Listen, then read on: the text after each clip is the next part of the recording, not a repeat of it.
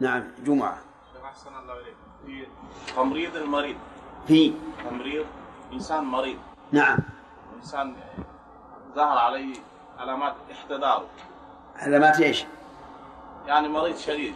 شديد. إيه يحتضر مثلا. نعم. هل آه، آه، الإنسان إذا انتظر لوقت طويل لأنه يحضر نفسه يتردد؟ يعني هو. يمرض هذا الرجل إيه. طيب. وقت طويل لما خرج الوقت مثل هذه إذا كان في الصلاة الأولى يجمعها إلى الآخر إلى الثانية إذا كانت تجمع لها. يعني هذا يباح له الجمع. فهمت؟ أما أن يؤخر الصلاة عن وقتها وهي مما لا يمكن جمعه إلى ما بعده لا يجوز. لابد أن نصلي ولو بأي حال من الأحوال. نعم. يقول عن رافع بن خديج رضي الله عنه قال كنا نصلي المغرب مع رسول الله صلى الله عليه وعلى آله وسلم فينصرف أحدنا وإنه ليبصر مواقع نبله متفق عليه. قوله كنا نصلي هذه كان واسمها. والمعروف أن كان تفيد الدوام غالبا إذا كان خبرها فعلا مضارعا. إذ كان يقرأ كان يفعل وما أشبه ذلك. وقوله نصلي المغرب مع رسول الله فينصرف أحدنا يعني من الصلاة وهم لا ينصرفون إلا بعد انصراف النبي صلى الله عليه وعلى آله وسلم لأنه نهى أن يسبقوه بالانصراف. وكان صلى الله عليه وسلم يبقى مستقبل القبلة بقدر ما يقول أستغفر الله ثلاثا اللهم أنت السلام ومنك السلام تباركت يا ذا الجلال والإكرام ثم ينصرف. فينصرف الناس. فقول فينصرف أحدنا يعني بعد بعد أن ينصرف النبي صلى الله عليه وعلى آله وسلم. وإنه الجملة هذه حالية. حال من الفاعل في قوله ينصرف أي من أحدنا. والحال إنه ليبصر مواقع نبله. وكسرت إن لأن الجملة الحالية تكون مستأنفة. ويضاف إلى ذلك في هذا التعبير أنها قرنت اللام في خبرها. وإذا قرن قرن خبر اللام وإذا قرن خبر إن باللام وجب كسرها. لا يبصر مواقع نبله أي أي المكان الذي يقع فيه النبل يعني نبل السهم. يعني السهم. إذا أطلقه من القوس وهو وهو بعيد وبعيد ففي هذا الحديث دليل على أن النبي صلى الله عليه وعلى آله وسلم كان يبكر بصلاة المغرب لأنهم إذا كانوا ينصرفون منها والضياء باق إلى هذا الحد دل ذلك على أنه صلى الله عليه وعلى آله وسلم كان يبادر بصلاة المغرب. ولكن لا بد من أن يكون هناك فاصل بين الأذان والإقامة. لقوله صلى الله عليه وسلم صلوا قبل المغرب صلوا قبل المغرب صلوا قبل المغرب ثم قال في الثانية في الثالثة لمن شاء. وهذا يقتضي أن يكون بين غروب الشمس وبين صلاة المغرب وقت يتسع للصلاة. وهل يجوز أن تؤخر؟ الجواب نعم. يجوز لأن وقتها موسع. إلى متى؟ إلى أن يبقى بينه وبين دخول وقت العشاء مقدار الصلاة. وحينئذ يجب أن يصلي لأنه لا يجوز أن يؤخر الصلاة عن وقتها ولا بعد الصلاة عن وقتها. وعن عائشة رضي الله عنها قالت أعتم النبي صلى الله عليه وسلم ذات ليلة بالعشاء حتى ذهب عامة الليل. أعتم أي دخل في العتمة. والعتمة اشتداد ظلمة الليل. وكانوا وكان الرعاة يعتمون بالإبل أي يؤخرون حلبها إلى أن تظلم الأرض. فأعتم إذن بمعنى أخر حتى ذهب عامة الليل. أي حتى ذهب كثير من الليل. ولا يمكن أن نفسر عامة هنا بأكثر لأننا لو فسرناها بأكثر لزم أن يكون النبي صلى الله عليه وسلم صلاها بعد منتصف الليل وهذا لا يمكن. فالعامة بمعنى كثير هنا. حتى ذهب عامة الليل ثم خرج فصلى. وقال إنه لوقتها لولا أن أشق على أمتي رواه مسلم. وقال إنه أي هذا الوقت أي هذا الوقت الذي صلى فيه لوقتها أي لوقتها المختار لولا أن أشق على أمتي.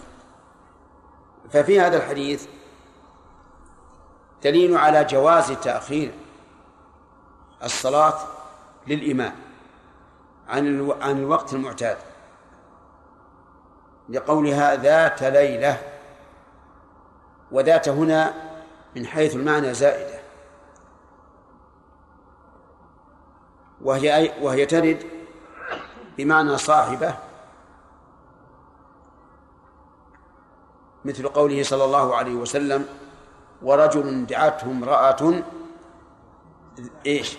ذات منصب وجمال. وترد زائدة كثيرا مثل قوله تعالى وأصلحوا ذات بينكم. أي أصلحوا بينكم. ومثل هذا الحديث أيضا ذات ليلة. وتطلق في اصطلاح المتأخرين على النفس. فيقال الذات والصفة يعني النفس. لكنها ليست من لغة العرب الأصيلة كما ذكر ذلك شيخ الإسلام ابن تيمية رحمه الله إلا أن الناس آه، يستعملونها كثيرا بمعنى النفس. فتجدهم يقولون جاء زيد ذاته. بدل أن يقولوا جاء زيد نفسه. وفي هذا دليل على احترام الصحابة النبي صلى الله عليه وعلى آله وسلم حيث لم يتقدم أحد منهم فيصلي فيصلي بالناس. لأنه تأخر إلى أن ذهب جزء كبير من الليل. وفيه في هذا الحديث من من الفوائد أن الأفضل في صلاة العشاء التأخير لقوله صلى الله عليه وسلم إنه لوقتها. وفيه أيضا دليل على أن المشقة مرعية أي مراعاة المشقة وأنه مع المشقة تيسر الأمور. ولهذا كان من من الضوابط عند العلماء المشقة تجلب التيسير. ومنها أن النبي صلى الله عليه وسلم يستقل بالتشريع لقوله إنه لوقتها لولا أن أشق على أمتي. ولكن اعلم أن تشريع النبي صلى الله عليه وعلى آله وسلم يكون من شرع الله إذا أقره الله عليه. أما إذا اجتهد ولم يقره الله عليه فالأمر واضح. مثل إذنه صلى الله عليه وسلم لمن استأذنه من المنافقين قبل أن يتبين الأمر. فقد قال الله تعالى فيه عفى الله عنك إيش؟ لما أذنت لهم حتى يتبين لك الذين صدقوا وتعلم الكاذبين. ومن فوائد هذا الحديث رأفة النبي صلى الله عليه وعلى آله وسلم بأمته وأنه يحب لهم الأيسر والأسهل ولهذا كان عليه الصلاة والسلام إذا بعث البعوث للدعوة إلى الله قال لهم يسروا ولا تعسروا وبشروا ولا تنفروا فإنما بعثتم ميسرين ولم تبعثوا معسرين. وما خير صلى الله عليه وعلى آله وسلم بين بين أمرين إلا اختار أيسرهما ما لم يكن إثما.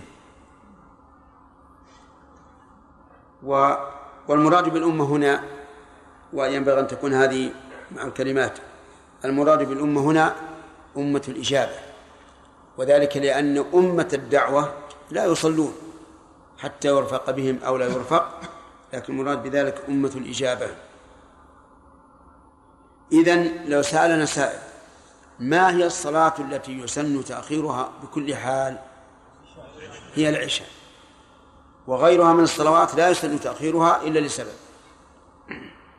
وعن أبي هريرة رضي الله عنه قال قال رسول الله صلى الله عليه وعلى آله وسلم إذا اشتد الحر فأبردوا بالصلاة فإن شدة الحر من فيح جهنم متفق عليه. قوله إذا اشتد الحر هل المراد إذا اشتد الحر في الفصول أو إذا اشتد الحر في النهار؟ الأول يعني إذا اشتد الحر في الفصول لأن فصول السنة أربعة.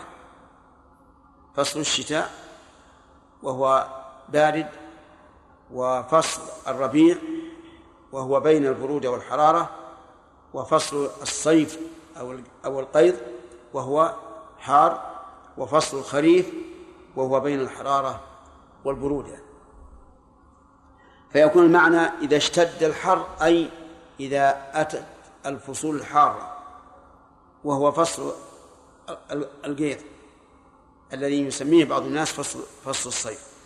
يسميه بعض الناس فصل الصيف. نعم. وقوله إذا اشتد الحر فأبردوا بالصلاة. ال هنا أبردوا؟ أي أخروها حتى يبرد الجو.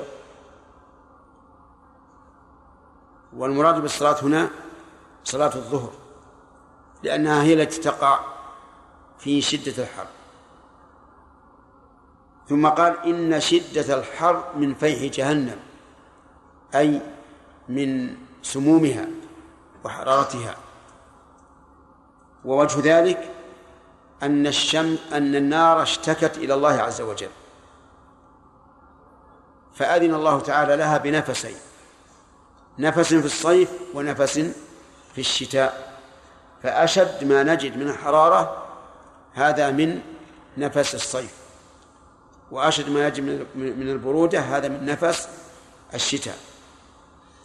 وهذا العلم الذي أخبر به النبي عليه الصلاة والسلام لا يدرك لا يدركه علماء الفلك بعلومهم وعقولهم لأنه شيء فوق ما يعرفونه ولكننا نحن نؤمن بأن ما قاله النبي صلى الله عليه وعلى آله وسلم حق لا مرية فيه. وجهنم اسم من أسماء النار أعاذنا الله وإياكم منها. في هذا الحديث الأمر بالإبراد بالصلاة إذا اشتد الحر. وهل الأمر هنا أمر إباحة ورخصة؟ أو هو أمر ند أو أمر واجب. كل هذا محتمل. يحتمل أنه للرخصة لأن الأصل الأمر بتقديم الصلاة. فيكون الأمر بعد ذلك أي بالتأخير يكون رخصة. وإذا كان رخصة فإنه ينظر لما يكون أرفق بالناس. وقيل إنه أمر تشريع. ثم هل هو واجب أو ليس بواجب؟ في هذا التفصيل. آه، المهم هذه الفائدة مشروعية الإبراد بالظهر إذا اشتد الحر. هذا هو الصواب أنه مشروع. ثم هل يجب أو لا يجب؟ ينظر. إذا كان في الحضور إلى الصلاة في وقت الحر مشقة تذهب الخشوع فإن الإبراد واجب. ومن فوائد هذا الحديث أن الإبراد عام سواء كان في الحضر أو في السفر. وقد جاء ذلك صريحا في السفر. فقد كان النبي صلى الله عليه وسلم في سفر فقام بلال ليؤذن فقال له أبرد. ثم قام ليؤذن فقال أبرد. ثم قام ليؤذن فقال أبرد حتى رأوا فيء التلول وهذا يعني أن الشمس تجاوزت الزوال بكثير وهذا هو الذي يحصل به الإبراد. أما ما كان الناس يفعلونه فيما سبق يتأخرون عن زوال الشمس بساعة إلا ربع أي بخمسة خمس وأربعين دقيقة أو بساعة أي بستين دقيقة فهذا لا يغني شيء. لماذا يا جابر؟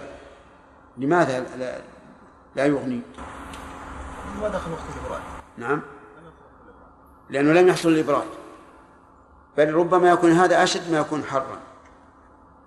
فالإبراد يعني أن أن يقرب فعل الصلاة من دخول وقت العصر. من فوائد هذا الحديث الإشارة إلى طلب الخشوع في الصلاة. لأن الإنسان إذا كان في شدة الحر فإنه سوف يقل خشوعه لأن الحر المزعج يوجب انشغال القلب. فهل نقول مثل ذلك آه، آه، التدفئة؟ يعني مثلا لو أن الإنسان آه، قام إلى صلاة الفجر وصار عليه غسل فاغتسل. هل نقول لا يصلي ما دام ينتفض من البرد؟ بل يتدفى أولا ثم يصلي؟ الجواب نعم لأن العلة واحدة وهي الخشوع وهي ذهاب الخشوع. ف ومن فوائد هذا هذا الحديث حسن تعليم الرسول صلى الله عليه وسلم وما أحسنه وأجمله وأوضحه وأبينه. وذلك حيث قرن الحكم بعلته. قال أبردوا بالصلاة فإن شدة الحر من فيه جهنم. ومن فوائد هذا الحديث وجود النار الآن. وقد دل على ذلك القرآن والسنة.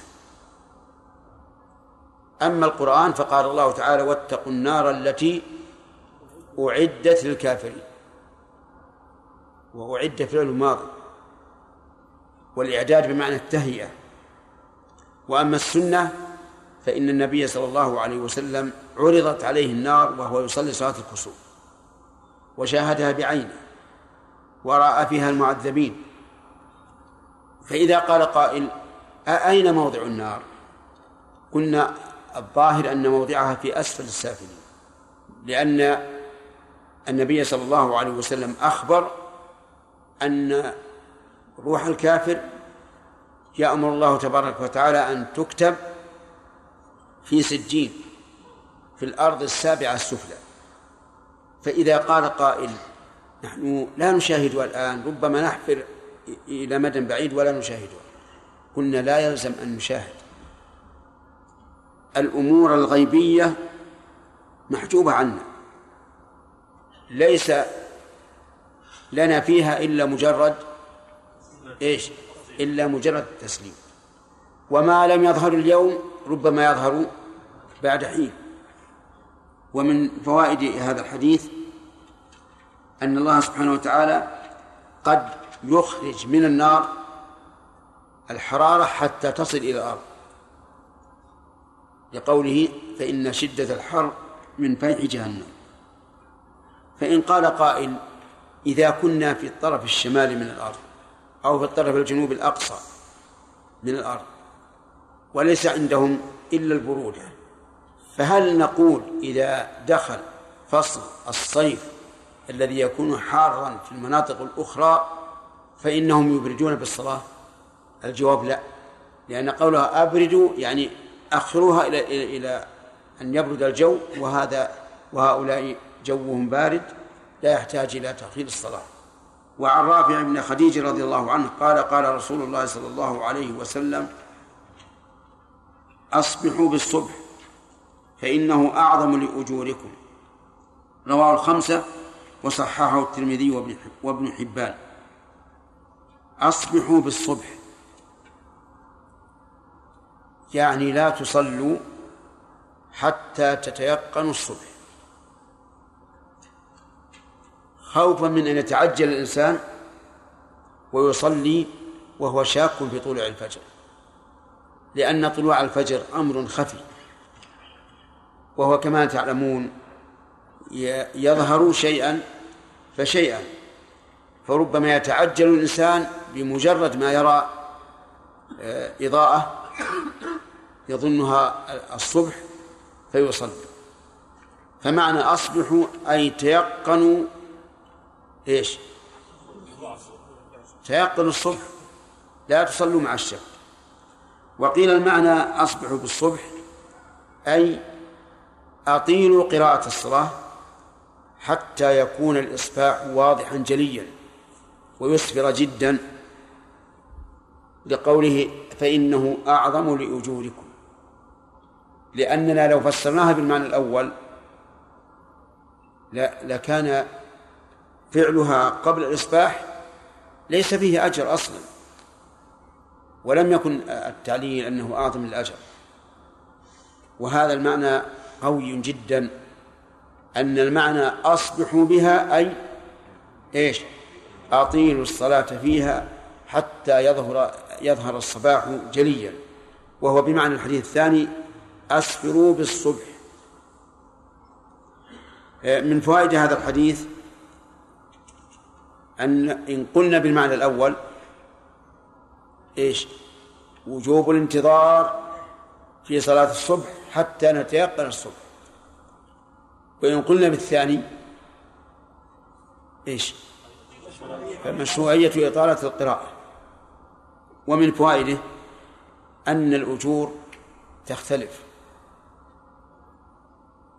في عظمها وصغرها.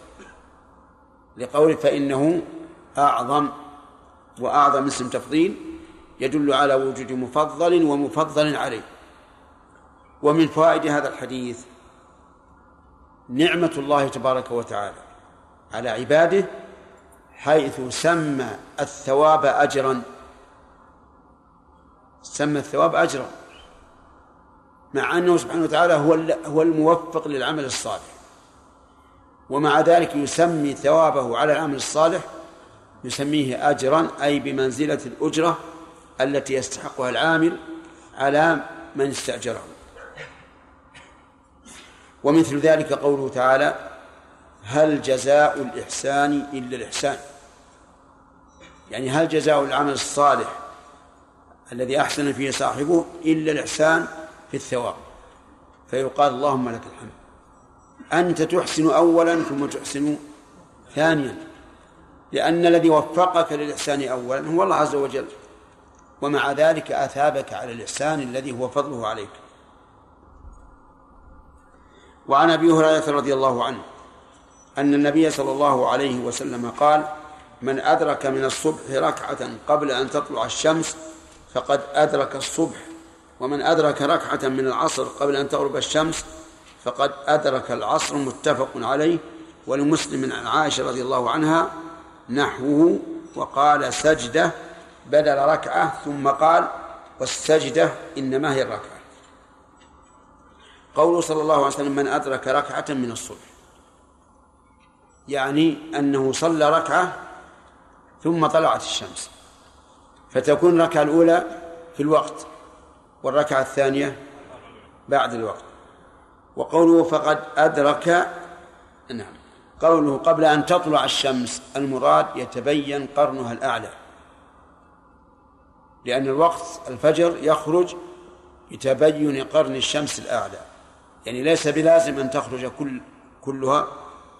وقوله فقد أدرك الصبح أي أدرك وقتها أي كأنه صلاها كلها في الوقت. ومن أدرك ركعة من من العصر قبل أن تغرب الشمس أي قبل أن يغرب قرنها الأعلى. أو الأسفل. الأعلى. لأنه لا يصدق أنها غربت إلا إذا اختفت نهائيا. فقد أدرك العصر. وقوله ركعة في الموضعين يعني بسجدتيها. وليس المراد الركوع. المراد الركعة كاملة بسجدتيها. ويدل لذلك قوله في الحديث الثاني سجدة. إشارة إلى أنه لا بد من إدراك السجود الأول والثاني حتى يتم بذلك إدراك إدراك الركعة. في هذا الحديث فوائد منها آه، أن الوقت يدرك بإدراك ركعة بقوله من أدرك ركعة. وهذا القول هو القول الراجح. أنه لا يدرك إلا بركعة. وأن جميع الإدراكات لا تكون إلا بركعة. فإدراك الجمعة لا يكون إلا بركعة. وإدراك الجماعة لا يكون إلا بركعة. وإدراك الوقت لا يكون إلا بركعة. جميع الإدراكات لا تكون إلا بركعة وهذا القول هو الذي تدل عليه عليه السنة كما في هذا الحديث. وذهب بعض العلماء رحمهم الله إلى أن الإدراك يحصل بإدراك تكبيرة الإحرام. فمن أدرك من الوقت قدر تكبيرة الإحرام إيهاب. من أدرك ركعة من أدرك ركعة نعم من أدرك تكبيرة الإحرام قبل أن تطلع الشمس في الفجر على كلامهم فقد أدرك الفجر. ومن أدرك مع الإمام قدر تكبيرة الإحرام قبل السلام فقد أدرك الجماعة. لكنهم لكن أصحاب هذا القول استثنوا إدراك الجمعة. يعني إدراك المسبوق للجمعة قالوا لا يدركها إلا إلا بركعة كاملة. وهذا تناقض. والصواب أن جميع الإدراكات لا تكون إلا إيش؟ بركعة كاملة لا بركوع. إذا نقول إدراك الوقت يكون بإيش؟ بركعة. ينبني على هذا مسائل. منها لو آه لو أن المرأة أدركت مقدار ركعة ثم طهرت من الحيض. فهل تزمها الصلاة؟ الجواب نعم. إذا أدركت المرأة من وقت الصلاة قدر ركعة وجبت عليها. لقول النبي صلى الله عليه وسلم فقد أدرك العصر. في العصر وقد أدرك الصبح في الفجر. فإن أدركت أقل من ذلك يعني حاضت قبل أن تغرب الشمس بدقيقتين أو ثلاث فليس عليها صلاة وعلى القول بأنها تدرك بتكبيرة الإحرام تلزمها الصلاة لكن صحيح لا. هذه مسألة المسألة الثانية بالعكس لو أن المرأة حاضت بعد دخول وقت الصلاة بمقدار ركعة تلزمها الصلاة إذا طهرت؟ نعم تلزمها الصلاة إذا طهرت. وعلى القول الثاني إذا حاضت بعد دخول الوقت بتكبيرة الإحرام لزمتها الصلاة. وهذه المسألة يعني إدراك الوقت من أوله فيه خلاف. فمن العلماء من يقول إن المرأة إذا أدركت مقدار ركعة من الوقت ثم حاضت لا تلزمها الصلاة. لأنه قد أذن لها أن تؤخر الصلاة إلى آخر الوقت. فإذا حاضت قبل آخر الوقت فلا صلاة عليها. وهذا القول قوي جدا لأن المرأة لم تفرط حتى نلزمها بالقضاء.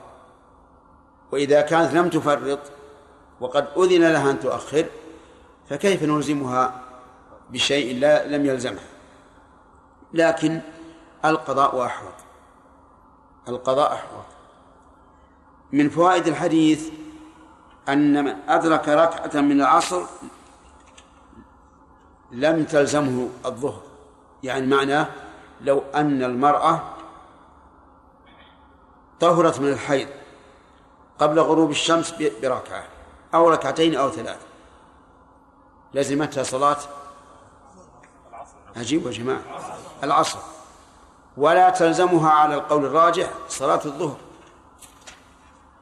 لأن صلاة الظهر أتت عليها وهي ليست من الصلاة. ولو كان يجب عليها أن تقضيها لكان هذا بين في كتاب الله أو سنة رسول الله صلى الله عليه وسلم.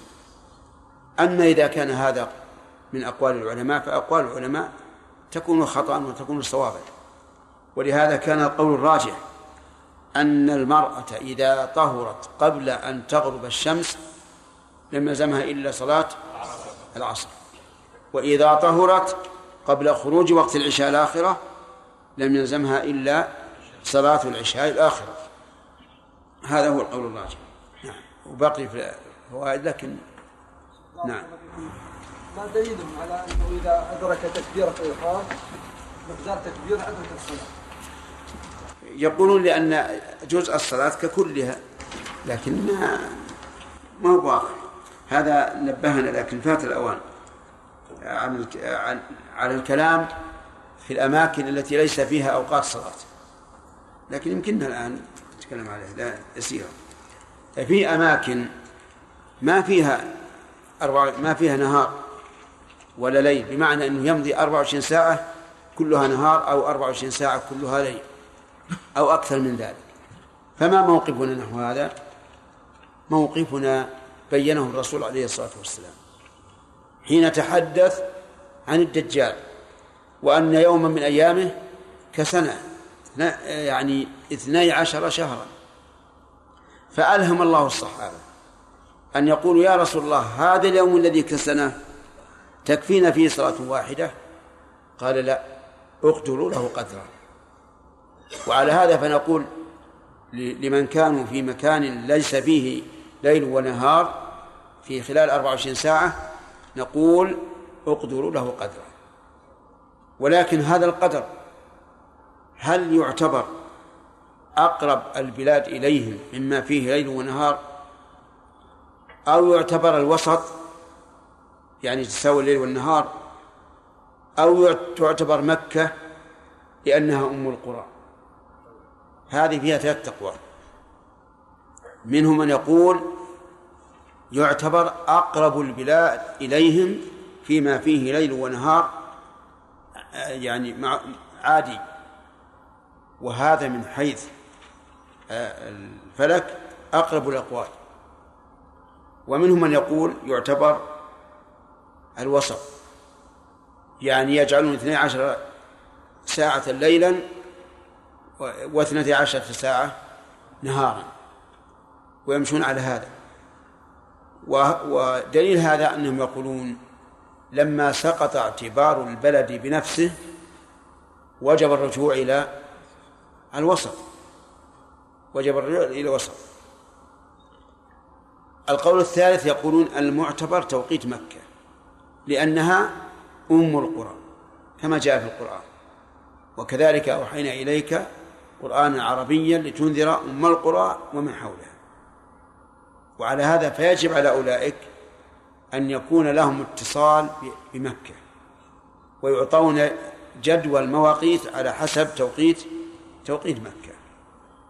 فهذه أقوال ثلاثة أقربها من حيث يعني العلم الفلكي. أقربها الأول أن يعتبر أقرب بلد إليهم فيه ليل ونهار آه، مضطرد في خلال 24 ساعة. هذا واضح. ثانيا يقولون إن في بعض البلاد يطول وقت العشاء جدا. إلى قريب الفجر والشفق لم يغب فمتى يوصلون متى يوصلون العشاء؟ قصد يطول وقت المغرب مو العشاء وقت المغرب بحيث يبقى الشفق إلى قرب الفجر فمتى يصلون؟ نقول ما دام الشفق يغيب ويظهر فالمعتبر مغيبه ولو طالت المدة لأن الشرع علقه بهذا وليس لنا أن نتعدى الحدود أما إذا كان لا يغيب إلا إذا طلع الفجر من الجهة الشرقية فحينئذ نقول اقدروا له قدره اقدروا له قدره طيب أنا سأسألكم هذا الذي ليلهم ستة أشهر أو نهار ستة أشهر كيف تتصورون الشمس؟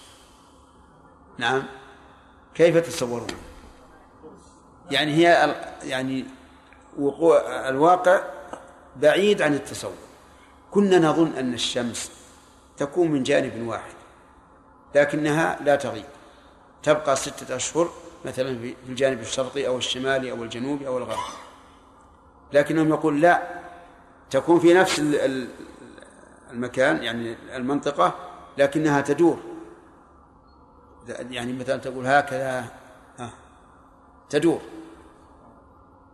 وهذا شيء يعني ما نتصور لكن الذين شاهدوه يقول هذا هو الواقع. تصورتوها الآن ولا لا؟ لا إله إلا الله. طيب. تعرفون الدوران حلقة حلقة تدور عليها. يعني تدور من الأفق تمشي هكذا هكذا في الأفق هكذا حتى ترجع إلى مكانها. نعم؟ دائما. سبحان الله. الله أكبر. أحسن إن شاء الله. أحسن ما في ألم. شفاك الله. ولا أشفاك. فلان. وش الفرق بينهم؟ ما الفرق بينهم؟ شفاك الله ولا أشفاك. وش الفرق؟ ها؟ بمعنى أهلكك. وشفاك أبرأك من المرض. نعم. بارك الله فيكم. لو أن الإنسان أخر غسل الجنابة نعم. لغير عذر نعم. أو أخر إزالة شيء لاصق على أعضاء الوضوء أيضا لغير عذر حتى لم يبقى من الوقت إلا مقدار الصلاة. نعم. فماذا يفعل؟ يكمل. يكمل لأن هذا شرع في في الشرط. كيف؟ إيه، ما فهمت لم أفهم. أقول يكمل يكمل التنظيف إزالة المانع من من من وصول الماء إلى البشرة. ويغتسل. لكن سيخرج الوقت. نعم. سيخرج الوقت. الظاهر هذا لا بأس به لأنه مشتغل الآن الآن شرع. أما لو كان ما شرع لا بأس. قل ابدأ بالصلاة. تيمم وصل شيخ أحسن الله إليك من أخر الصلاة حتى خرج وقتها هل ينوي ب- لعذر هل ينوي فيها الأداء أو القضاء؟ ليس بشرط. نية الأداء والقضاء ليس بشرط. لكن هو ينوي الأداء. ما دام لعذر ينوي الأداء. نعم. قلنا بأن النار في الأرض السفلى نعم. هل المراد بها أرضنا هذه؟ والله هكذا جاء الحديث. والله أعلم. أنا قال لي بعض الناس إن, إن الأرض هذه آه، قاع إن قعرها وقاعدتها يعني نار لا يوجد لها نظير في الدنيا. وأنه لو خرج منها مقدار ثقب الإبرة أحرق الدنيا. نعم. إيش؟ العصر. الذين يقولون من أدرك ركعة من صلاة العصر قبل الغروب تلزمه صلاة الظهر والعصر. شيخ يقولون بأن الظهر والعصر يشتركان في وقت. نعم. يقولون بأن العصر والظهر يشتركان في الوقت. نعم. يعني أنه يجوز جمع الظهر العصر ولو في آخر وقت العصر. من قال هذا؟ بعضهم يقول و- ويطاعون؟ والرسول فصل بين الوقتين ثم ينق- ينقض كلامهم بما لو حاضت المرأة بعد دخول وقت الظهر فإنها إذا طهرت لا يلزمها إلا قضاء الظهر. أي فرق؟ اتضح على كل ما اتضح. الحمد لله. انتهى الوقت يقول. يقول المراقب أن الوقت انتهى. سم. نعم. من تبعهم بإحسان إلى يوم الدين. في حديث رافع بن خديج لما ذكر صلاة المغرب قال إن أحدنا فينصرف أحدنا وإنه ليبصر مواقع نبله. ماذا تدل هذه الجملة على عليه؟ على أن النبي صلى الله عليه وسلم كان يبكر في صلاة المغرب. لأن إبصار موقع النبل يدل على أنه أن النور لم يزل باقيا نعم. فيلزم من ذلك أن يكون يبكر في صلاة المغرب. في حديث عائشة أن النبي صلى الله عليه وسلم أخر صلاة العشاء. ما يدل على أن النبي صلى الله عليه وسلم له أن يشرع من عند نفسه. نعم يا عبد الله. ها. من أين يؤخذ؟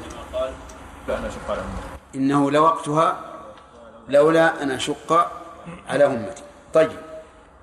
آه، إذا كان إذا كان يشرع عليه الصلاة والسلام فهل فهل نقول إنه عليه الصلاة والسلام آه، يشرع ويكون إقرار الله له كالوحي. يعني إذا إذا لم ينزل الله عز وجل ما ما, ما يخالف ما قضى به فهو من عند الله. يصح أن ينسب إلى الله عز وجل. أليس كذلك؟ كما ننسب ال- الحديث إلى رسول الله صلى الله عليه وسلم إذا علم به وأقره فإنه يكون مرفوعا صريحا. هل يمكن أن تؤخذ هذه الجملة من أصل التشريع الإسلامي.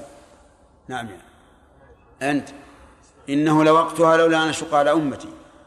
هل تؤخذ هذه الجملة من أصل التشريع الإسلامي؟ كيف ذلك؟ يريد الله بكم اليسر ويريد بكم العسر. وما جعل عليكم في الدين من حرج. طيب أحسنت. إذا يكون هذا الحكم مطابقا تماما لأصل التشريع الإسلامي. بماذا يكون الإبراد بصلاة الظهر عند اشتهار الحر الإبراد بالتأخير. بالتأخير. إلى؟ حتى يقرب وقت العصر. أي نعم. حتى يقرب وقت العصر. ويحصل البرد في الجو. طيب. آه، يا إبراهيم القياس هات لي مثال يكون التعليل فيه دالا على القياس على ما شارك الحكم في النبي صلى الله عليه وسلم في ذره انها ليست انها من عليكم الطوافين نعم. جاء في الحديث أن الرسول صلى الله عليه وعلى آله وسلم قال في الهرة إنها ليست بنجس إنها من الطوافين. فنأخذ من هذا أن كل ما يطوف على الناس ويتردد فإنه معفو عنه لمشقة التحرز منه. كذلك أيضا قل لا أجد فيما أوحي هذا من السنة من القرآن. قل لا أجد فيما أوحي إلي محرما على طعام يطعمه إلا أن يكون ميتة أو دما مسفوحا أو لحم خنزير فإنه رجس. فيؤخذ من هذا أن كل نجس فهو حرام. البول حرام والعذر حرام وأبوال الأتان حرام وكل نجس فإنه حرام. طيب. هل يمكن أن تعكس القاعدة ويقال كل حرام نجس صالح؟ نعم. نعم. كل نجس حرام. ها. وليس كل حرام نجسا. هات مثال على الجملة الأخيرة. ليس كل حرام نجسا. ها. إيش؟ السم حرام وليس بنجس. بارك الله فيك. طيب. ما تقول في رجل بلغ بلغ قبل طلوع الشمس. ارفع يدك. نعم. رجل بلغ قبل طلوع الشمس بمقدار ركعة ولم يصلي الفجر. أتجب عليه صلاة الفجر أو لا؟ نعم. الدليل. فقد ترك الصبح. كذا؟ طيب. إذا كان قد صلاها هل تلزمه الإعادة؟ لماذا؟ لكن كيف نأخذ من الحديث أنه لا تجب عليها الظهر؟ ليس الم... لست أريد أنها تجب عليها العصر. أنها لا تجب عليها الظهر. نعم. إيش؟ لا نريد الدليل من الحديث. ما ذكرته فهو علة تعليل. لكن من الحديث. قال فقد أدرك العصر ولم يقل والظهر. ولم ينبه على وجوب الصلاة الظهر في هذا الحال. نأخذ درس الآن. أخذنا حديث أبي سعيد يا أخوان. نعم. ما أخذناه طيب. قال وعن أبي سعيد الخدري رضي الله عنه قال سمعت رسول سمعت رسول الله صلى الله عليه وسلم يقول لا صلاة بعد الصبح حتى تطلع الشمس ولا صلاة بعد العصر حتى تغيب الشمس متفق عليه. واللفظ ولفظ ولفظ مسلم لا صلاة بعد صلاة الفجر. قوله لا صلاة لا نافية للجنس. والنافية للجنس تعني أن جنس هذا المنفي ليس لا, لا, لا يصح. لا يصح. فتشمل صلاة الفرض وصلاة النفل وش عندك؟ نعم كيف؟ كيف؟ تكلمنا عليه تكلمنا عليه طيب قال ولمسلم عائشة رضي الله عنها نحوه وقال سجدة بدل ركعة ثم قال والسجدة إنما هي الركعة قوله وقال سجدة بدل ركعة يحتمل أن القائل هو الرسول صلى الله عليه وسلم ويحتمل أنه الراوي. ولكنه فسر هذا بقوله والسجدة إنما هي الركعة لأن السجود يطلق على الصلاة كلها. كما في قول الله تعالى فاسجدوا لله واعبدوا. وعليه فيكون معناه معنى الحديث الذي قبله هو حديث أبي هريرة. يقول لا صلاة بعد الصبح. قلنا لا نافع للجنس. وصلاة تعني بناء على هذا الفرض والنفل. وتشمل الصلاة ذات الركوع والسجود وما ليست بذات ركوع وسجود كصلاة الجنازة. وقوله بعد الصبح يحتمل أن المراد بعد صلاة الصبح ويحتمل أن المراد بعد إيش؟ بعد طلوع الصبح. لكن رواية مسلم تبين أن المراد بعد صلاة الصبح. ولذلك قال لا صلاة بعد صلاة الفجر. وكذلك أيضا ورد في أحاديث أخرى غير حديث أبي, سعيد التصريح لأن المراد الصلاة حيث قال عليه الصلاة والسلام بل قال الراوي نهى عن الصلاة بعد صلاتين صلاة الفجر وصلاة العصر. وقوله حتى تطلع الشمس المراد حتى تطلع كاملة أو حتى يطلع قرنها الأول الثاني. ولكن مع ذلك قد جاء في فيما يأتي إن شاء الله حديث عقبة أنها أن النهي يمتد إلى أن ترتفع الشمس قيل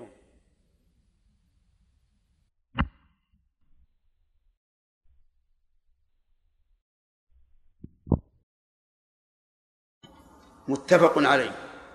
فإذا قال قائل ما هي الحكمة في ذلك؟ قلنا الحكمة في هذا. أشار إليها النبي صلى الله عليه وعلى آله وسلم أن الشمس تطلع بين قرني شيطان. فإذا رآها المشركون سجدوا لها. وكذلك في الغروب تغرب بين قرني الشيطان ولعلهم يسجدون لها وداعا. فهم يسجدون لها استقبالا عند طلوعها ووداعا عند خروجها. فنهينا عن الصلاة في هذين الوقتين لئلا يكون ذلك ذريعة إلى التشبه بهم. فلنأخذ الفوائد. قول لا صلاة ذكرنا أن المراد العموم أي صلاة تكون لكن يستثنى من ذلك شيء. ثم هل المراد نفي الصلاة أو نفي صحتها أو نفي كمالها؟ هذه ثلاث احتمالات. والقاعدة أن النفي نفي للوجود.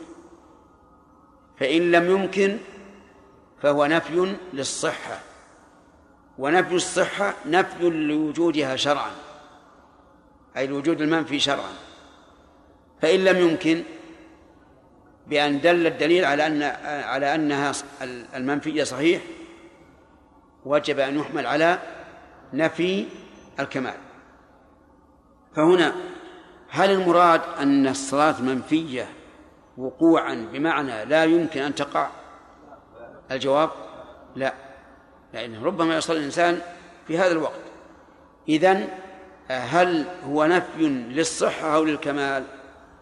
نقول المرتبة الثانية بعد نفي الوجود أن تكون نفيا للصحة ولا بد. فنقول لا صلاة أي لا تصح. وليس نفيا للكمال.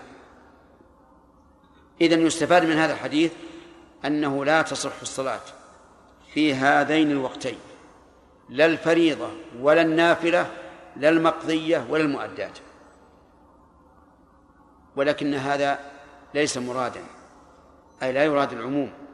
فقد دلت السنة على استثناء شيء من ذلك منها الفريضة لا نهي عنها. فمتى ذكر الإنسان أن عليه فريضة صلاها ولو في هذين الوقتين. مثال ذلك رجل لما صلى الفجر تذكر أنه صلى العشاء بغير وضوء. فهنا يصلي العشاء قبل طلوع الشمس أو لا؟ يصليها. يصليها حين ذكر دليل ذلك قول النبي صلى الله عليه وعلى آله وسلم من نام عن صلاة أو نسيها فليصلها إذا ذكرها. فإن قال قائل هذا الحديث بينه وبين حديث أبي سعيد عموم وخصوص من وجه عموم وخصوص من وجه. فكيف رجحتم عموم حديث قضاء الصلاة على عموم حديث النهي عن الصلاة في هذين الوقتين؟ فالجواب أن قضاء الصلاة الواجبة واجب. والأصل في الأمر فليصليها إذا ذكرها أنه على الفور. فيقتضي أن يصل أن تصلى الفريضة من حين أن يعلم بها الإنسان. هذا واحد. أيضا حديث لا صلاة بعد الصبح. قد استثنى منه أشياء. بالنص وبعضها بالإجماع. وقد ذكر العلماء أن أن العموم إذا خص فإن دلالته على العموم تكون ضعيفة.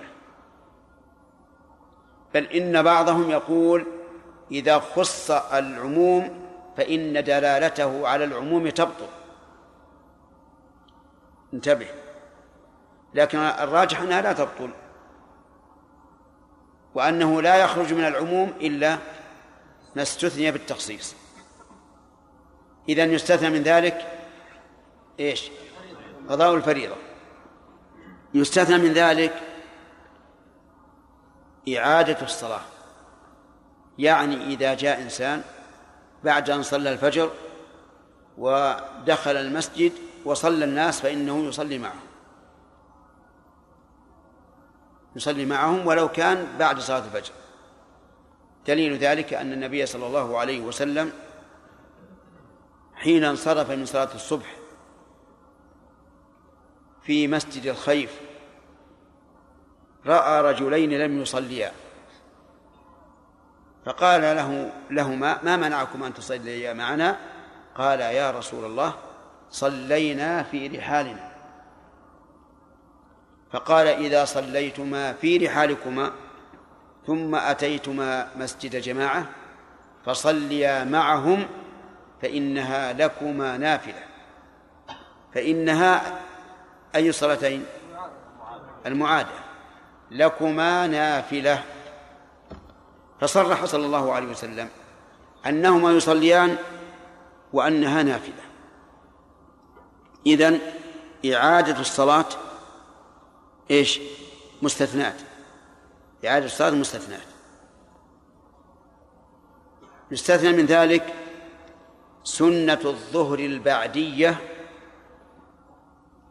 إذا جمعها مع العصر. لأنه لا يمكن أن نصليها بين الظهر والعصر لأنهما مجموعتان فيقضيها بعد صلاة العصر. كمريض يجمع بين صلاة الظهر والعصر. فيصلي الظهر ثم يصلي العصر ثم يصلي راتبة الظهر البعدية. ما هي القبلية؟ البعدية. لأنه لا يتمكن من صلاة الراتبة البعدية إلا بعد صلاة العصر. يستثنى من ذلك أيضا ركعة الطواف. ركعة الطواف. إذا طاف الإنسان بعد صلاة الصبح أو بعد صلاة العصر فإنه يصلي ركعتين خلف المقام. لما سيأتي في الحديث ولأنهما تبع للطواف. يستثنى من ذلك أيضا آه، سنة الوضوء. فإنه إذا توضأ الإنسان بعد صلاة الصبح أو بعد صلاة العصر يجوز له أن يصلي سنة الوضوء لعموم قوله صلى الله عليه وسلم من توضأ نحو وضوء هذا ثم صلى ركعتين لا يحدث فيهما نفسه غفر له ما تقدم من ذنبه. بناء على هذه الأدلة نقول بالقول الثاني وهو رواية أحمد أنه يستثنى من هذا العموم كل صلاة آه نعم يستثنى من هذا العموم الفرائض وكل نافلة لها سبب. هذا هو القول الراجح وهو رواية عن أحمد واختاره شيخ الإسلام ابن تيمية رحمه الله. أن كل صلاة لها سبب فإنه يصليها في أوقات النهي. يدل لذلك أن في بعض ألفاظ أحاديث النهي عن الصلاة في هذه الأوقات أنه قال عليه الصلاة والسلام لا تحروا الصلاة. فهو يدل على أن المراد من قصد الصلاة في هذه الأوقات. وأما من صلى لسبب فإنه لم يقصد الصلاة في هذه الأوقات. ويدل لذلك أيضا أنه إذا كانت العلة هي الابتعاد عن مشابهة المشركين فإن صلاة فإن الصلاة ذات السبب تبعد قصد التشبه بالمشركين. وجهه عجيب. أنها مقرونة بالسبب فلها سبب ظاهر يوجب مشروعيتها فلا يكون هناك مشابهة للمشركين. المهم أن القول الراجع في هذا أنه يستثنى من هذا العموم أجب الفرائض وكل نافلة لها سبب. من فوائد هذا الحديث سد ذرائع الشرك وإن كانت بعيدة. لأن أصل الرسالة مبنية على إيش؟ على التوحيد. فكل طريق يمكن أن ينفذ الشيطان إلى قلب الإنسان فيوقي فيه الشرك فإن النبي صلى الله عليه وعلى آله وسلم سده سدا محكما إذن نأخذ من هذا أن جميع وسائل الشرك إيش هي؟ محرمة لكن الوسيلة قد تكون قريبة وقد تكون بعيدة فلعظم المقام سد النبي صلى الله عليه وسلم كل وسيلة ولو كانت بعيدة ومن فوائد هذا الحديث أن النهي مقيد بالصلاة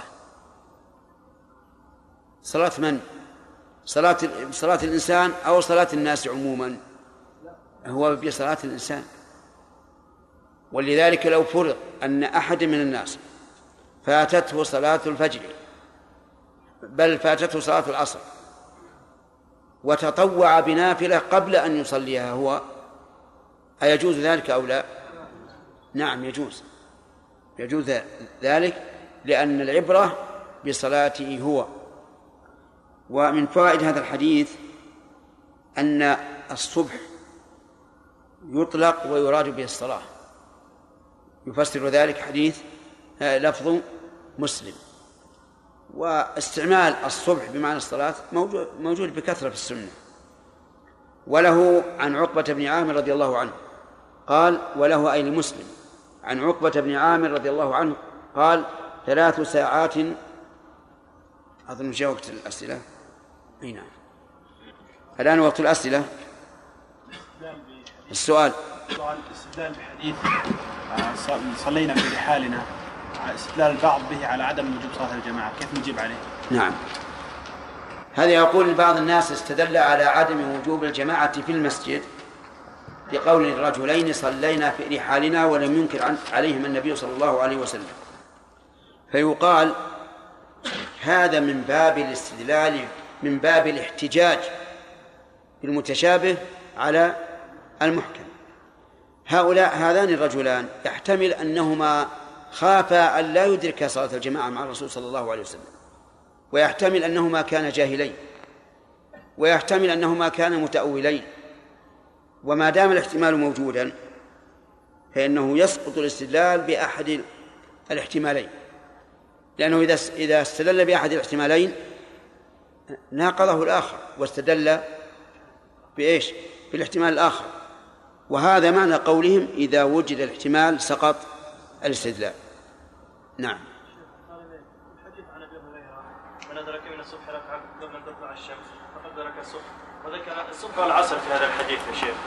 ولم يعمم معنى ما قال الشيخ النبي من أدرك من من الصلاة المكتوبة ركعة قبل قبل أن يخرج الوقت فقد أدرك الصلاة.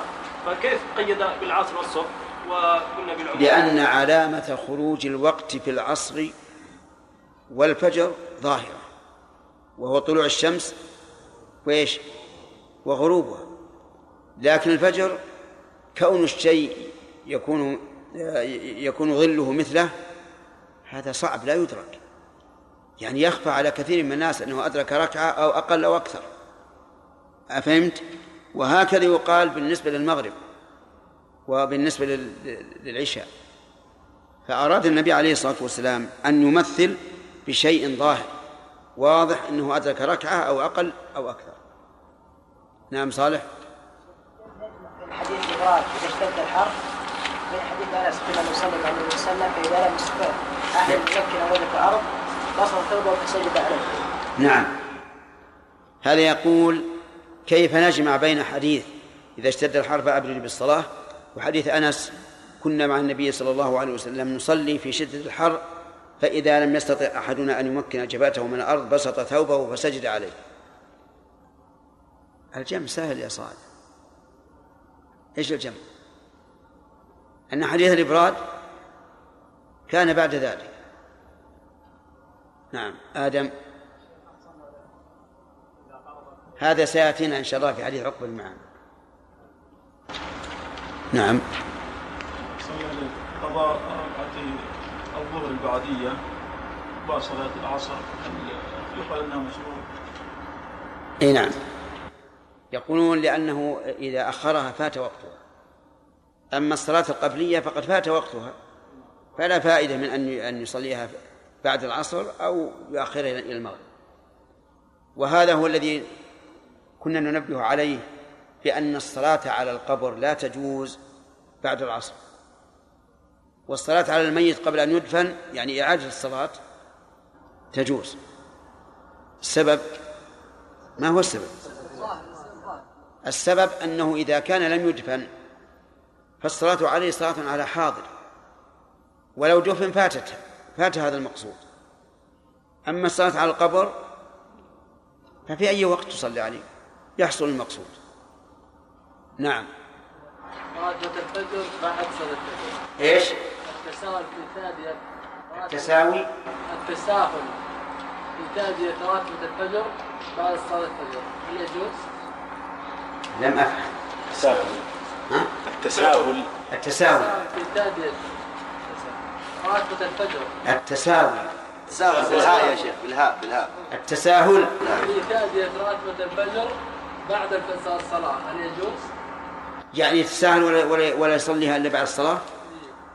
ما أظن حديث على هذا. الظاهر أنه يتعمد تأخيرها إلى وقت الن- إلى وقت النهي لا لا يجوز له أن يفعل.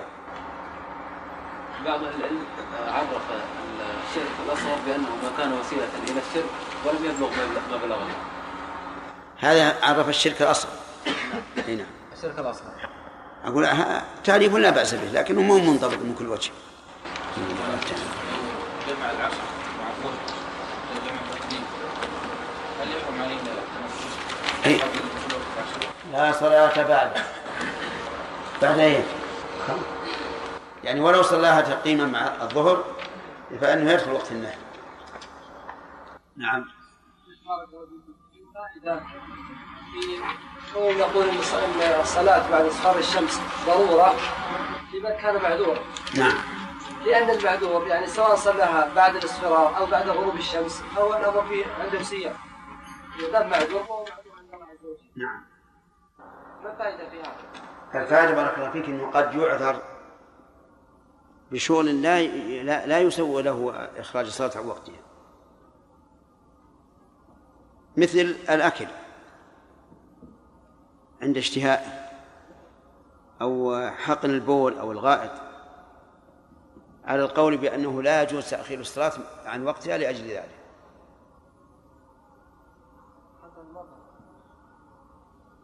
ومتى إذا كان الإنسان محصورا ببول أو غائط وخاف خروج الوقت. فعند شيخ الإسلام ابن تيمية رحمه الله له أن أن يؤخر الصلاة عن وقتها. وعلى المشهور عند أهل العلم أنه ليس له ذلك. يصلي ولو كان حاقنا.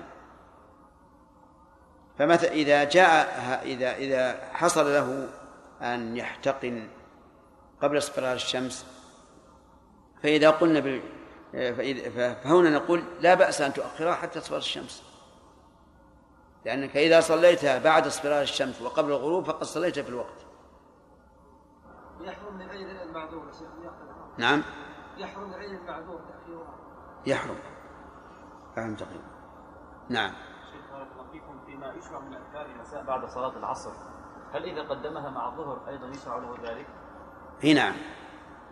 هو أصلا المساء يدخل من صلاه من زوال الشمس. كله ساء نعم. هل يجب على الإنسان أن يتيمم لخروج وقت الاختيار؟ لا وهذه من الضرورة نقول انتظر حتى توضا ثم صل ولو بعد اصفرار الشمس شيخ مسافر مقيم رجل ذهب إلى منطقه يجوز له أن يجري فهل يجوز له أن يؤخر صلاة العصر إلى بعد الاستقرار؟ المسافر إيش؟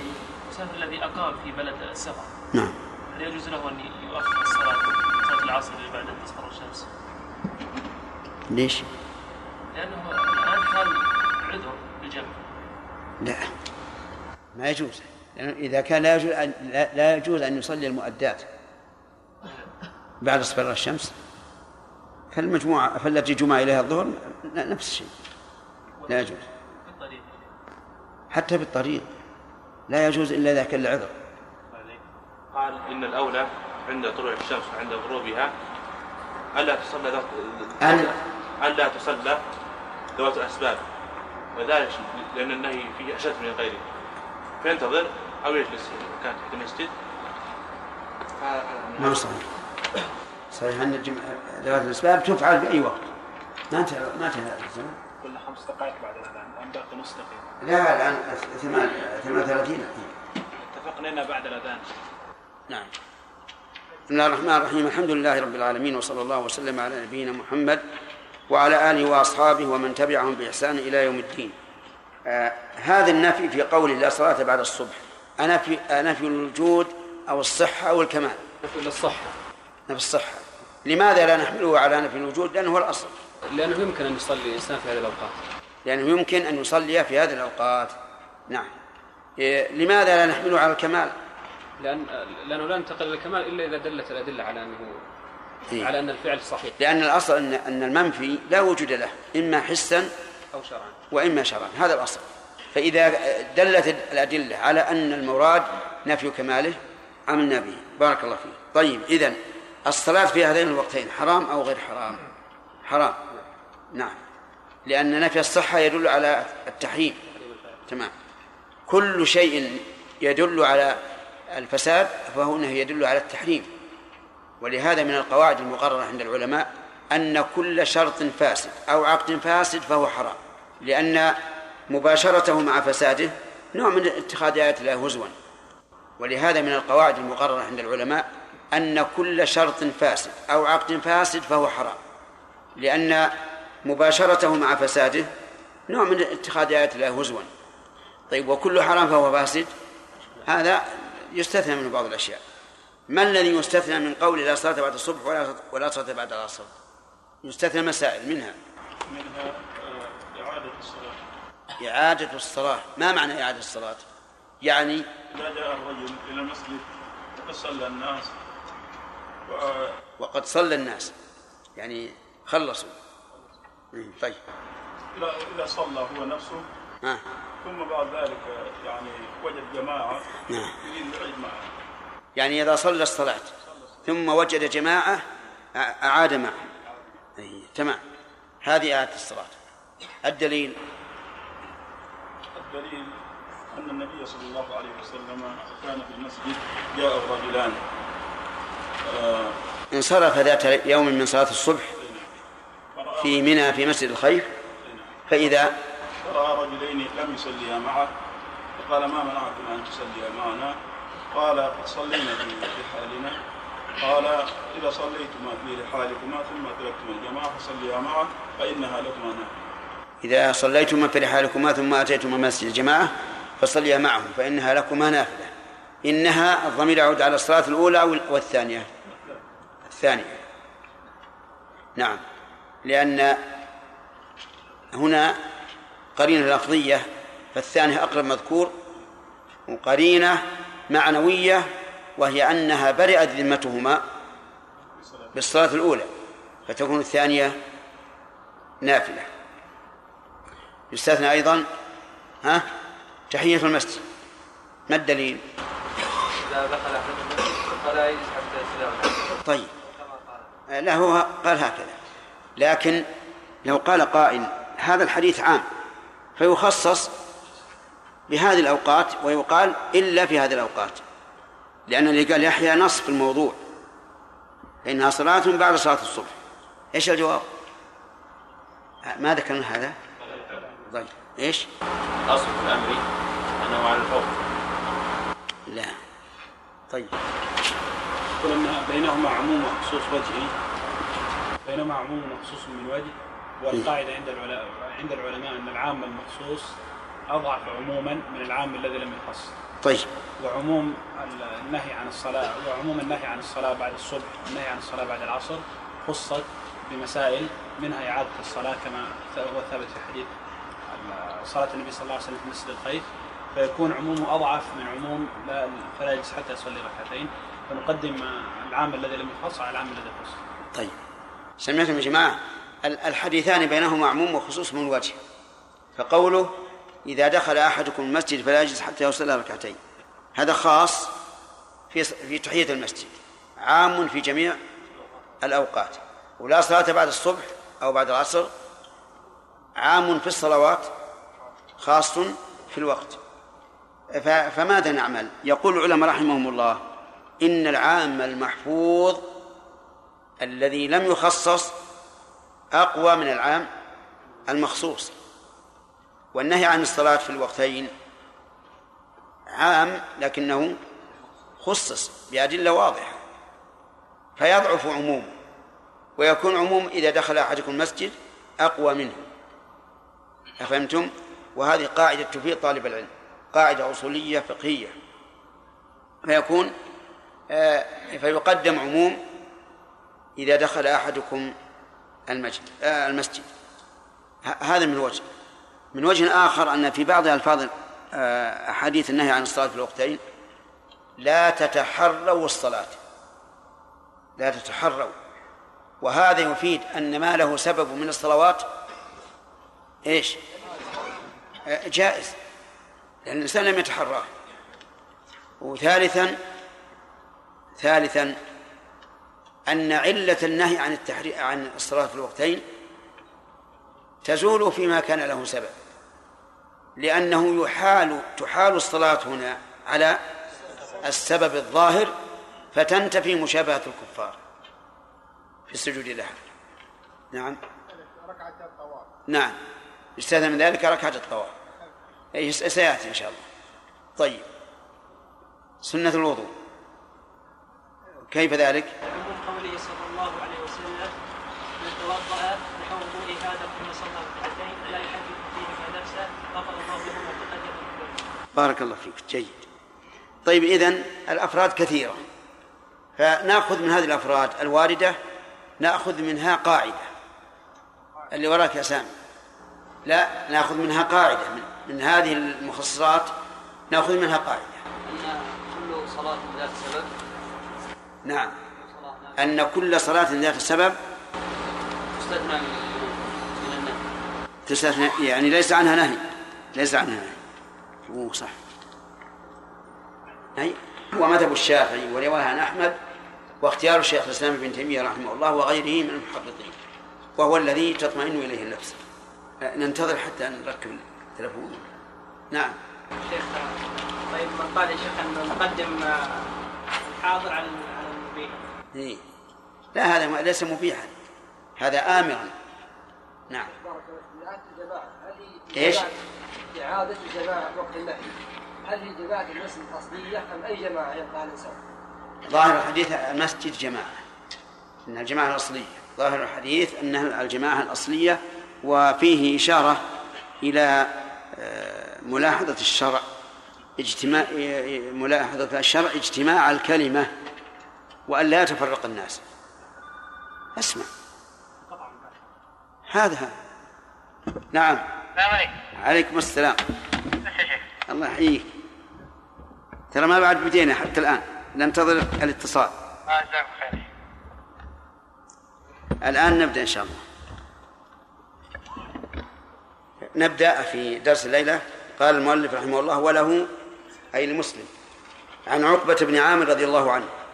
قال ثلاث ساعات كان رسول الله صلى الله عليه وعلى آله وسلم ينهانا أن نصلي فيهن وأن نقبر فيهن موتانا. ها؟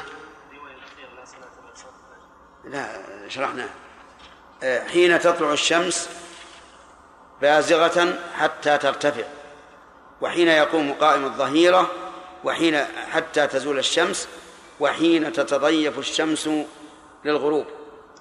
قوله ثلاث ساعات هذا حصر لكن الحصر لا يمنع من من وجود غيره إذا دل عليه دليل. ولهذا تجدونه تجدون كثيرا ما يقول الرسول عليه الصلاة والسلام ثلاث من من كنا فيه وجد بهن حلاوة الإيمان وتارة يقول ثلاثة لا يكلمهم الله. ويأتي آه، عدد آخر. وقول ثلاث ساعات المراد بالساعة في اللغة العربية وفي الشرع الوقت المحدد. سواء طال أو انقصر ولهذا تجدون حديث التقدم إلى الجمعة من جاء في الساعة الأولى من جاء في الساعة الثانية إلى آخره مع أن هذه الساعات تختلف طولا وقصرا بحسب إيش؟ بحسب الوقت والفصول. فالساعة في اللغة في الشرع كل وقت محدد طال الزمن أو قصر. إلا إذا قيل ساعة من نهار فهي ما تتجاوز النهار. آه نعم. نهانا أن نصلي فيهن. أن نصلي فيهن. أي صلاة؟ فريضة أو نافلة. وذلك لأن أن مصدرية. وهي بعد النهي. فإذا أول الفعل بالمصدر صار كأنه نكرة بعد إيش؟ بعد النهي فتفيد العموم. لكن هذا العموم سبق أنه خصص بمخصصات بيناها. وأن نقبر فيهن موتانا. أن نقبر القبر بمعنى الدفن. يعني أن ندفن الموتى في هذه الساعات. ثم فصلها فقال حين تطلع الشمس بازغة حتى ترتفع. حين تطلع الشمس بازغة. بازغة حال مؤكدة. لأن البزوغ والطلوع بمعنى واحد. فتكون بازغة حالا مؤكدة لعاملها أو آه، لصاحبها. أسأل لعامله. نعم. لعاملها حتى ترتفع. ولم يبين الرفع لكنه قد بين في أحاديث أخرى حتى ترتفع قيد رمح أي قدر رمح. والمراد بالرمح ما يرمى به في القتال وهو نحو متر. وتقريب ذلك في الساعة المصطلح عليها الآن ما بين ربع ساعة إلى عشر دقائق. وحين يقوم قائم الظهيرة. حين يقوم قائم الظهيرة أي حين يقف واقف الظهيرة. وذلك أن الشمس إذا توسطت السماء صارت كأنها قائمة لا تتحرك. وحتى تزول حتى تزول الشمس. وهذا يقدر في الدقائق بعشر دقائق فأقل. والثالث حين تتضيف الشمس للغروب. حين تتضيف أي تميل للغروب. وقيل حين تشرع في الغروب. والصحيح الأول أنها حين تتضيف للغروب فإذا كانت عن المغرب بمثلها في المشرق يعني مقدار رمح حينئذ يدخل هذا الوقت الذي ذكره عقبة بن عامر. عن النبي صلى الله عليه وسلم. يعني حين يبقى على مغيبها أتم مقدار رمح. هذه ثلاث ساعات. وتسمى هذه الساعات عند الفقهاء تسمى أوقات النهي القص... أوقات النهي القصيرة. أوقات النهي القصيرة. أضف هذه الساعات الثلاث إلى لا صلاة بعد الصبح حتى تطلع الشمس تكون الأوقات أربعة لا أربعة إلى الآن ما وصل الخامس ومن صلاة العصر حتى تغرب تكون خمسة.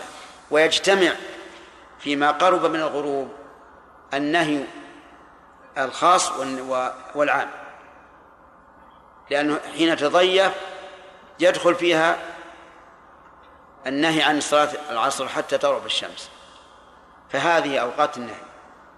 هذه الأوقات آه، ينهى فيها عن كل صلاة ليس لها سبب من النوافل والفرائض لا نهي عنها وسبق الكلام على هذا.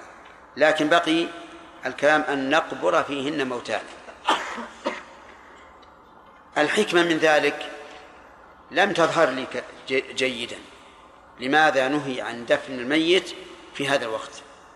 لكن الذي يهمنا هو الحكم لأننا نحن معبدون بالأحكام ولسنا مكلفين بمعرفة الحكم والأسرار لأن هذا قد لا قد تعجز عنه عقولنا.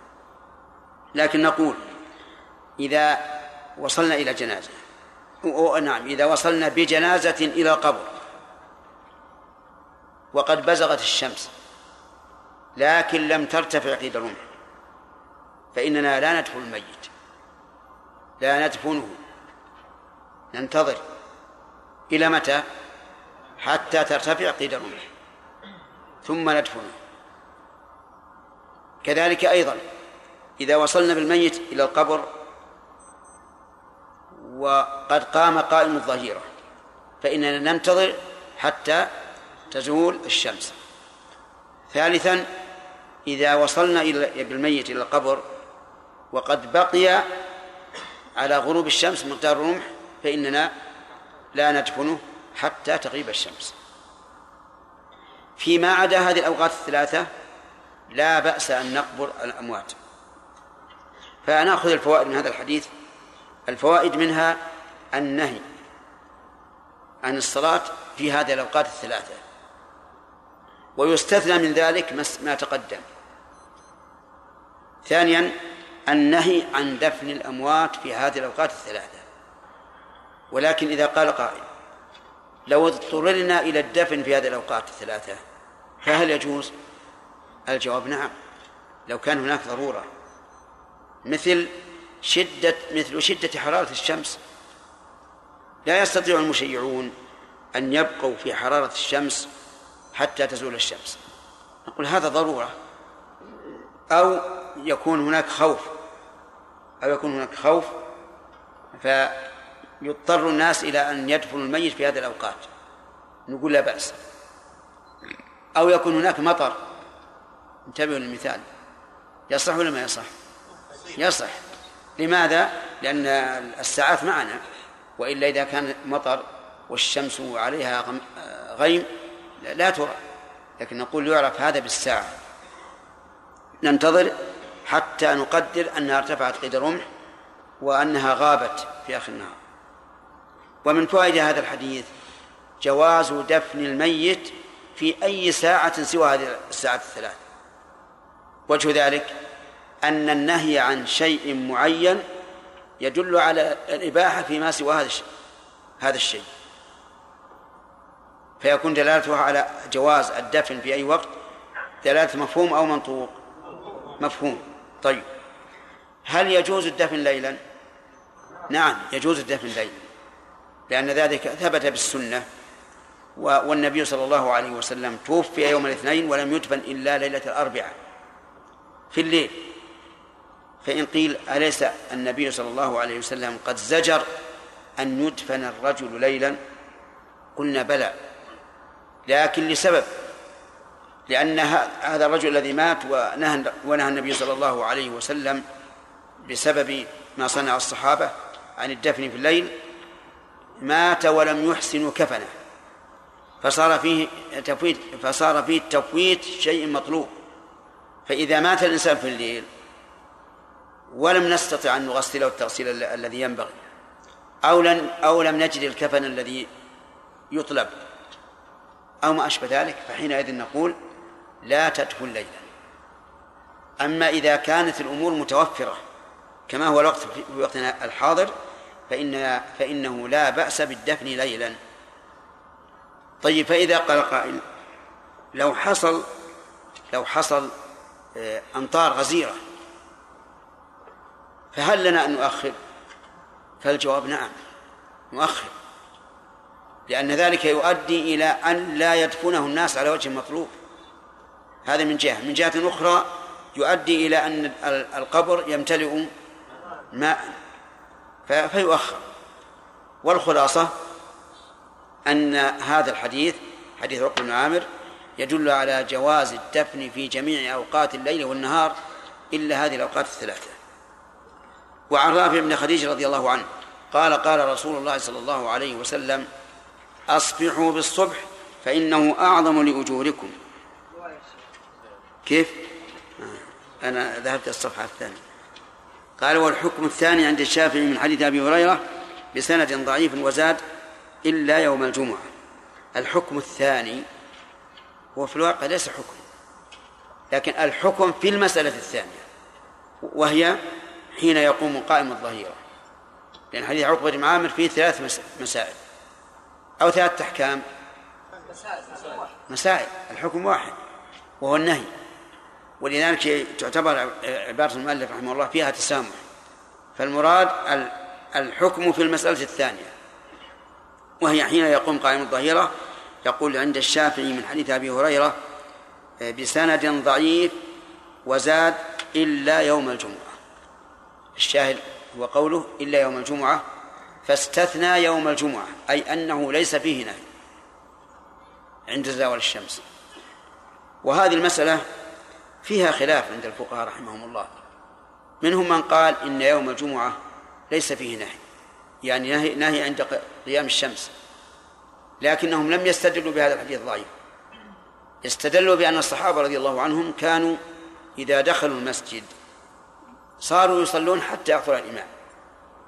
يصلون حتى يحضر الإمام بدون نكير.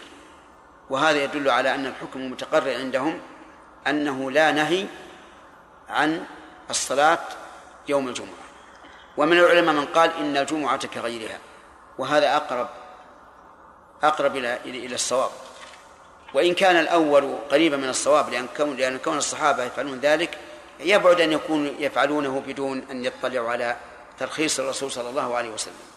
لكن الذي ينكر ما يفعله بعض الناس اليوم تجده متقدما إلى الجمعة. يقرأ آه، نعم صلى ما كتب له ثم جعل يقرأ القرآن. فإذا بقي على الزوال عشر دقائق أو نحو أو نحوها نعم قام يصلي. وهذا رأيناه كثيرا. هذا هو الغلط. لأن هؤلاء آه، لم يكونوا لم يفعلوا كفعل الصحابة. يعني لم يبقوا يصلون حتى جاء الإمام. بل هم جالسون فلما جاء وقت النهي قاموا يصلون.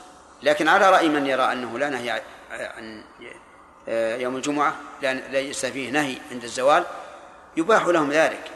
لكن نقول لا ينبغي لكم أن تتسلطوا على الصلاة في وقت اختلف العلماء في في جواز الصلاة فيه.